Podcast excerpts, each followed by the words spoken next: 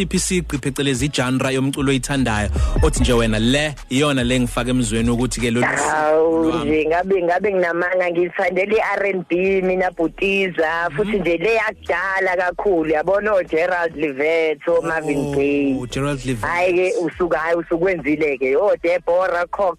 Oh, hayi. u Gerald Levett Mr Too Damn Good. Amen. Amen mfowethu. Ngiyaca- ngiyacabanga nje kwakho ngesonto usufaka iphinifu Yimlo. ushukule ungafakile ngisho Yebo. makeup ngiyakoroba nje. Idlala kwakho ngisho ngigeza nakamakhelwane amabhodwe amen. Futhi actually omakhelwane bamele bacime bona amaledu abo Oh. hlale sekube mina ku DJ oh usha nge sound system yangempela. Umgaqo yebo hayi kona kuyafika. Eh? kuyafika la fanele kufike khona. Obose kanjena. Siswami siyajabula kakhulu Yeah. ukukhuluma nawe kulwesihlanu olrelaxile Joe and Raineke wow thank you so much ngiyabonga. Now ngithola ke la ukuthi vele lento yokuactor yokulungisa yokulingisa lento yokubuka lento nje yokuthi ngelinye ilanga yoba kwi show business yaqala isancane. Ngizama ukukhumbula mina ngizama ukukhumbula mhlawumbe ukuthi zikhona yini izithombe njenganathi uthola ukuthi kune party ufuna ukuvela phambili uzuve uveze iphiko? Noma noma mhlambe mako Christmas kanjena nezinye ingane kudansa imidanso yangaleso sikhathi wena ufuna ukuloku udansile nje khona uzogcina usalela zikhona izinto ezikubuyelayo mhlambe Joanne emqondweni wakhe ezazenzeke ezazithi ya khona ukukhuluma iqiniso ngangidalelwe kumele hayi uma usisho kanjalo actually ngamele ngafikelwa eh sinoma wami sasijwayele ukuye camping lo lesonto njalo ngoDecember kufodlela uNew Year khona. So yimina umuntu owayephatha lezi ikeshi lezi? Kubi mina ozokhetha eBhayibhelini ukuthi siphi story esizosenza? Ngikhaste futhi ngisho ukuthi nangu uDavid nangu Mary obviously mina ku Mary. because angeke ngingalidi kwisikeshi sami uqobo. Eh so ngangihlezi ngiphethe uSunday school waphethwe yimina ngoba nginendlela yokuthi iBhayibheli ngilichaze ngendlela engazuthi liyimovie Mm. some kind umuntu angakhohlwa ivesi instead of imfundiso nje eziqondile Yeah. but solo lapho nje kwasho ngisho neningi ukuthi hayi banta kona makuse stage hayi akuthinteki. Kwahamba kwahamba kwaze kwafezekiswa manifest kwabonakaliswa lokhu vele. Amen. okwakutshalekile ngaphakathi kuwena intokazi nje yasemgungundlovu esithatha uMarisburg yayibeka kuyibalazwe Hey. uMarisburg nawe umncinyane. Uqhamuka kuphi njalo neMarisburg embale 13 baba. Embale. 13 hayi eduzane nje nase O33 okay. Cishe cishe ngathi uphapios wasembali.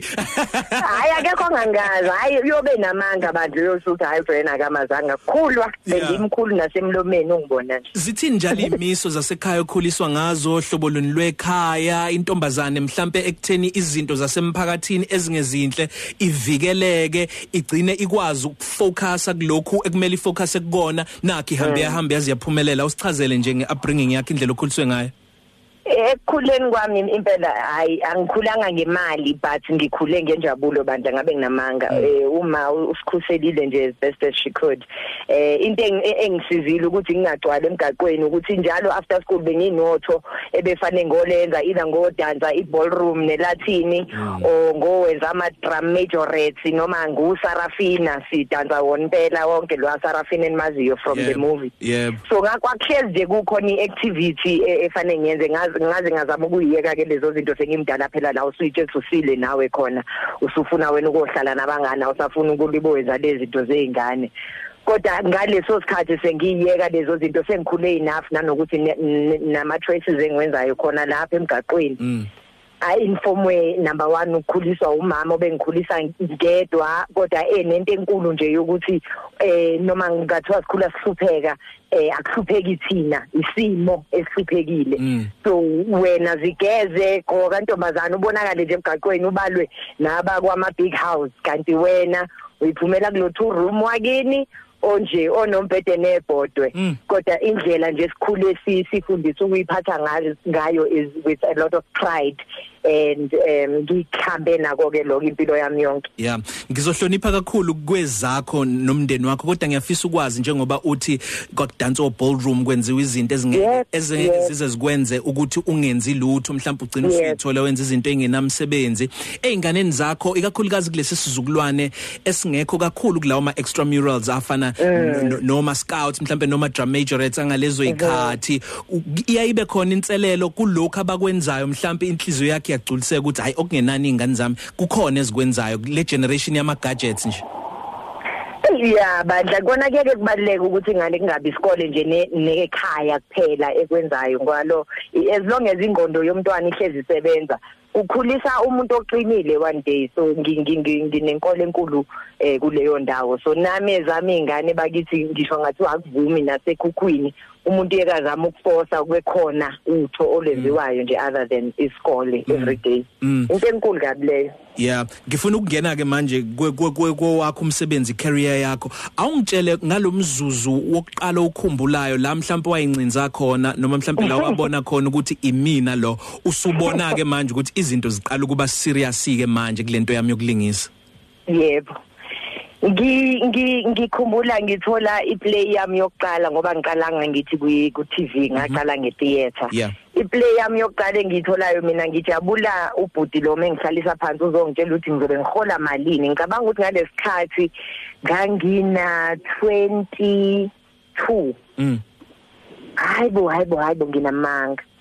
Kangina 7 kangina 17 webhuti. Ngihlaliswa phansi lo bhuti ungitshela ukuthi ke ntombazane ke every friday sizokunikeza u9000 and uyaqhubeka uyakhuluma uyaqhubeka. Ngathi mana mana mana mana mana. Kanti kanti i-TV yini lento hayi cha isa stage. Manje ngifika khona kuleso stage labanye abantu ekhanabo nangu Sindi Dlathu odla owayedlala uthandaza osekwi the river manje nangu umama Mary Thwala Yo. owuma kaSomizi. Uyabona? Nangu Joanne Yo. Rene kwakupho sembali ingane encane engaziwa umuntu Mm. ngabona ke lapho ukuthi okay akho cut sokunga so- sokungabaza Nga- ngayifake yabo labo fake it till you make it Mhm.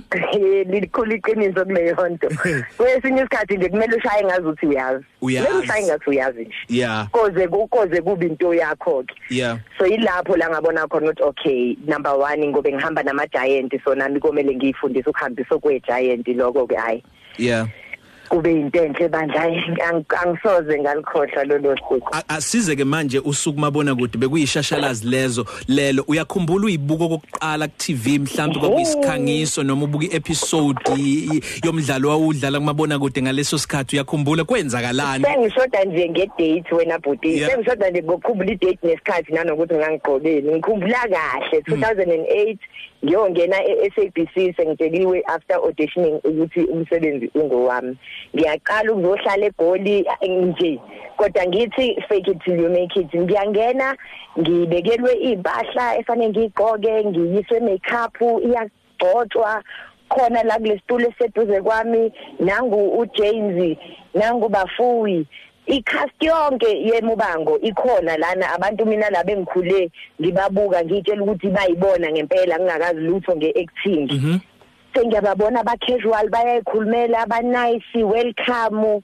Siyongena ngempela esethini nawu lomhlaba esuhlezi subuka kuma TV wethu sengimile kuwona ngikhona le reception hayi guys hayi bandlayi hayi hayi ngiyini Awu- awungitshele njengomuntu okhuluma isiZulu kumbango njengoba wawudume kusukela ekuqaleni ke ngokuthi kukhulunywa khulu isivenda nezinye Yeah. zeyilimi mhlambe ospedi njalo njalo. Wawungazizwa mhlambe ngazi ukuthi ey ngazi ukuthi okwami kunenselelo kakhulu noma angizobaleka ikhona indlela abakumukela ngayo ukuthi nawe nesizulu sakho uzizwe nje ubaleke njengawo wonke omunye umuntu.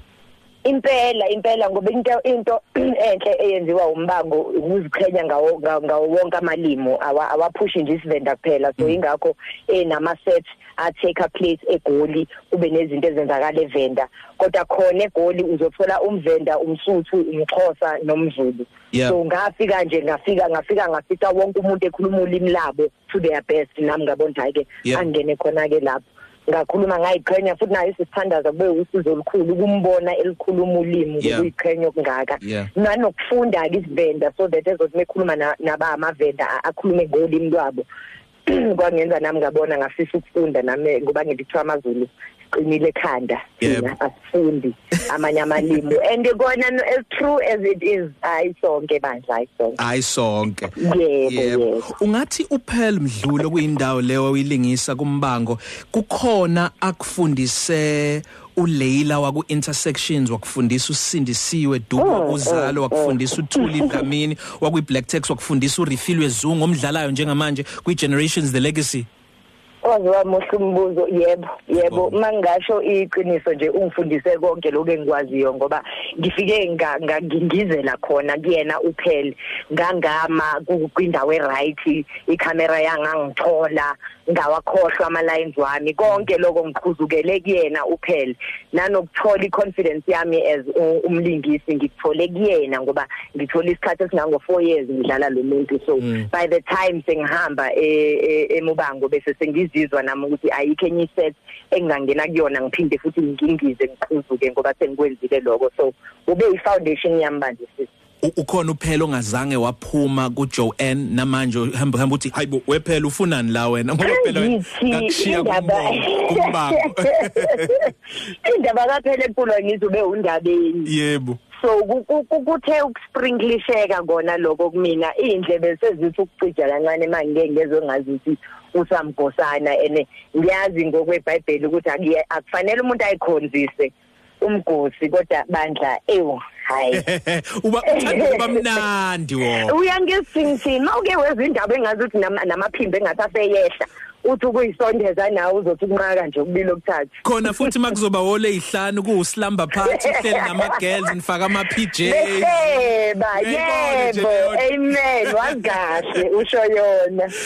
Ngicela sithathe ikhefu siya kwezemidlalo bese sivele sixoxile nawe sizoyiqhubha ngifuna ukwazi ke manje ngombono ukuthi ubheke phi nokuthi nje mhlambe izinselele ezingaba khona namathuba mhlambe okuyikhulisa kakhudlwana kunalokho oyikho njengomlingisi. Ngizocela nje sikwezemidlalo Joanne sizobuya. Sizophinde sibonaneke. Imzuzu ishumi nesikhombisa ngaphambi kokuthi kushaya ihora lesithathu. Sakwazi nje ukusho isikhathi ngesizulu Joanne?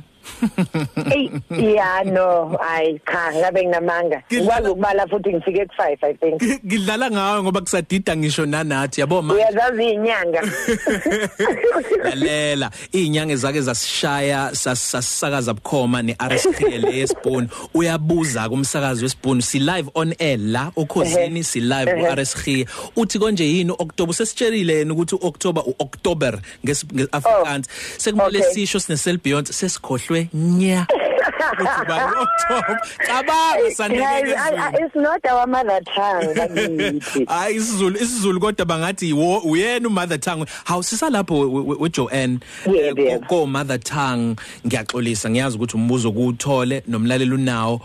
Kunobukhalashana kuwena mhlambe ngabe eh? Kunokumix raceana ehe into enkulu esingayazi i think as ama South African is that eh abantu bamakhala abantu abamakhaladi they are their own race. Mm. banokudla kwabo banendlela zabo banenkolo zabo njengomZulu njengomXhosa. Okay. So ukuhamba nje simele sibapha amakhalada angakhulumi ngisho iAfrikaans akhule embali eMaritzburg. Mm. uyabona nje so ngimix race baba bomlungu mawami umuntu omnyama siyabonga kakhulu ngokunikeza lokho sikhanyiselekile kuyaye kuphathe kanjani mawuloku uthola lo mbuzo mhlambe emphakathi ngazi ukuthi mhlambe basuke befuna ukukala baklase ngendlela ethile noma ukhululekile ngakho? Sengakhululeka ngako ngikhumbula ekukhuleni kwami babehlezi bethi naleli ibhusmani ibhusmani mm.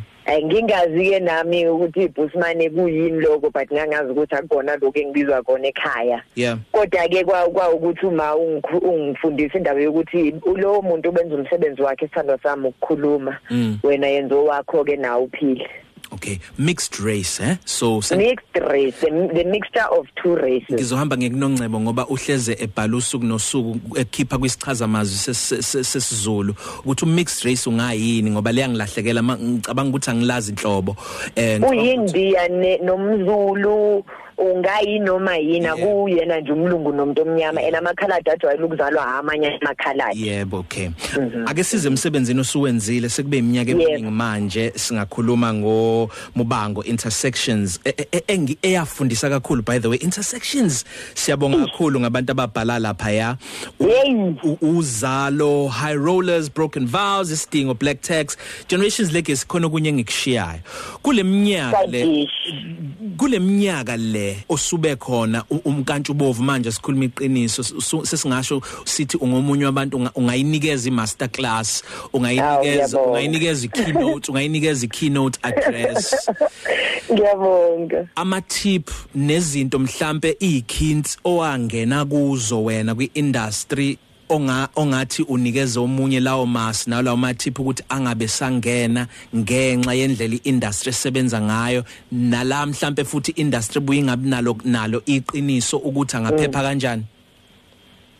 Eh kunzima ukutshela umuntu oyifisa ukuyenza onesifiso esisodwa noma uzibona endaweni ethile ukuthi angezi kuleyo ndawo ngoba naku kunzima or mhlambe kube nzima kuwena. Indlela zethu azifani. Eh mawungakhuluma mhlambe nomunye umuntu engakutshela ngobunzima mhlambe obuthusayo abe nabo kule industry but eyami indlela even though ibinazi izinto zayo the good over always outweighed the bad. Bengikwazi ukuthi ngikhule from every instant eyenzakalayo mhlambe whether it be eh umuntu wesilisa esethini okudlalisa mhlambe ngendlela engekho eh eh appropriate even mhlambe nangendlela akukhulumisa ngayo mhlambe everyday mekubona nje usuwubaby wena kuyena kanti akho mshelo akukhulunywa ngalutho uyayibona into engishoyo? Mm. so ugcina ukhule wazi ukuthi fanele ukwazi ukuzimela nokuzikhulumela hayi ukuthi uyohleza ugijima uyoceba. Mase uyoceba usuyocebisa ukuthi umuntu use use violateile mm. kodwa fanele uwazi ukuyinqanda isaqala leyo nto esathi uyabeka isandla efigeni esathi uyawukhipha lo baby baby umkhumbuze igama lakho. Nginomkhuba ke mina ukuthi wonke umuntu babani ubhuti bani umalume bani nje ngisale sengikubeka kuleso sikhala sokuthi ngifisa uzibone nje uthi mawubona mina ubona umntwana khona noma mangifuna ukuganga ngisengise usungiva usungivimbile. Amen amen amen. Obhuti oskido nje oba fresh. Fanele kube nenhlonipho khona umuntu ezobona ukuthi okay ayingeneki nokungeneka. Yeah yeah. Kodwa ama perks ayo is that wenza into oyithandayo eh awenzi into efanayo every day. Akho office ongena kulona izindawo othola ukuyihamba abantu othola ukusebenza nabo. Ama experiences othola ithuba lokuwa portray it's all it's all very much worth it. Mm ikhona enye yalawo ma experience ongathi makuthiwa iba ifan nawe nje uvele nje ukuthiwa hayi ke nami ngicela ke ukuthi ke ngisho into enhle yenzakele kumina engavamisile ukuthi yenzeke kwabanye. Eyodwa nje oyikhumbulayo njengo Joanne njengoba kulomkhakha kuwona yipi into enhle yenzakele for mina. Yeah nje i think yeah ungaqhubeka. Manga mangakhetha mhlambe yodwa wazi ukuthola eh, le party yase high rollers at that time bengiqeda ukuba ukuzala umntwana wami wesibili umfana wami um 2 months prior. Eh kwakhona umngane nje angazi noma wa thintwa uNkulunkulu owasinika in igama lami hmm. uma mangakutshela leya list ibhuti ukuthi yayiphethe ama actors njengamanje asese Hollywood nasese kuba se Hollywood mm. ahamba ngama private jets indlela i caliber yayi high ngayo for lo sisa babemfuna. Ngasqueezwa in nakhona mangena kule audition. Uyabona nje abelungu bangibuka ngehlo lokuthi kona ka ubani ke lo ngoba phela ngiyiphumela kumango abelungu abawubuka umbango. Eh kanti ngafike ngayishaya into yami. Ngayishaya impela ngayishaya ngayishaya the most. Ngabe senguthola lo msebenzi. So just leyo ndaba yokuthi nga ngahlula ama 3 million followers. Just ngethalente sure. lami at that time inkathi nganganayo ngisho ba nayo Instagram sure. Ngiyabonga mawuthi ngayishaya into yami. Kade nginengxoxo nomunye kade siphethe naye uhlelo la kade sisebenza khona ekseni njengabaphathi bohlelo ekhuluma indaba yokuthi unovalo ngoba kunesizukulwane esizayo esithanda umsakazo besikhuluma kwi context yomsakazo esithanda umsakazo kodwa bajahe lezi ezinye izinto eziba yithelo zokuthi uma ususebenzile kuzoyifikela. Ngazi ukuthi bakujahile. Uyayethi nje iseluleko sokuqala abanikeza sona ukuthi shaya ispan focusa kwi content yakho yase radioweni usuku nosuku kuzoza. Ungasho mhlambe nawe ukuthi la kumabona kude kulingiseni ikhonselele njalo mhlambe kulabo abakulandelayo abawosisi lokho abancane. Impela ikhona ikhona inkulu we uthole umuntu oqale ngawo lo nyaka ekhala ngokuthi yena uhola malini eh kanjani wena uhole ngaphezulu kwakhe? Ubone nje ukuthi ingane ekhanda layo ngempela ayiyenzi sense nakancane lento kuyena ukuthi so i veteran lami ngenhlonipho nje kumele likhole more Yeah. just because of experience and eh, into ayilethayo to the show versus wena umuntu omusha osaqala ukulakha igama lakho Mm. Ya ikhona le disease kwintsha yokungafuni uqala ialphabet ku A Yeah. na ku B Yeah. bafisa nje ukuxhumela ko Y bandla and u Y a- akufikwa nje sinoma kanjani Mm. Mm. amen Singama singama freelancers ama independent contractors singamatoho. samabhizinisi Singamabhizi- samabhizinisi lonke liqala ezansi kuyiqiniso akuthina sonke kodwa esiba nenhlanhla yokuba nemali esaziyo ukuthi hayi ke uyabona ke manje angeke ngisathikaziseka ngenxa yokuthi nginalomthombo oqhumile lapha ya usuyohleze ungiphilisa nokuthi covid eh, covid-19 lockdown i- u- iuhluphile umqondo wethu ukuthi sibuze ukuthi ngabe ngempela ngempela unyaka nonyaka sizophila ngokulindela ukuthi itoho liyavuselelwa na? uJoan Impela. uJoan umefikelwa yiloyo mcabango.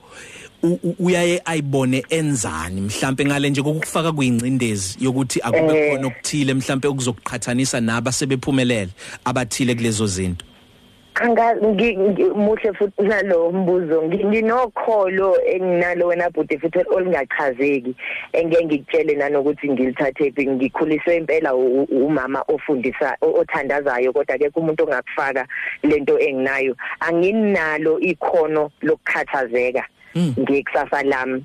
Kungazi ukuthi ikhono weza wangihlebela imfihlo wathi wena uzoba right. Isizathu sokufika la emhlabeni akusona ukuzokhathazeka ngemali uzowenza izinto ezinye inkulu engakaqali nanokuzenza ngiyazizwa emphefumulweni ukuthi angafiki lapho. Mm. kodwa ngiyazizwa ukuthi ngisendleleni. Yonke into eyenzakalayo empilweni yami ingisondeza kuliyona leyo nto efanele ngiyenze.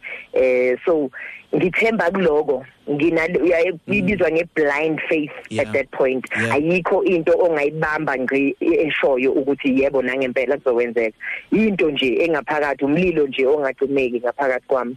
Obani abafundayo ngoba sengitholile uyafunda abakhwezela lolu kholo ikakhulukazi maqondana nokholo. Mhlambe ngi- ngiyazi iBhayibheli uyalifunda. Ba- bakhona mhlambe abanye kwi-stream salolu kholo lakho abakuvuselelayo ukuthi uphikelele ngalo ungabi nokwesaba ngempela? Eh I am a wonderful reader but I am not a reader in spirit. Eh ngumuntu we TV kukhona u TD Jakes wow. Unendlela yokubeka izinto nje ngokuhlakanipha. Hayi nana ngokholo ngokuhlakanipha ngengondo nje. Izinto ezenza isense izinto athi mezisho uzwe nawe ngaphakathi uthi hayibo ngathi mina ngathi ukhuluma nami. U Steve Harvey u u- abantu abanjalo actually nama comedians ama comedians I find they are some of the most intelligent people emhlabeni abakwazi ukuhlekisa abantu emngcwabeni. I talent lelo.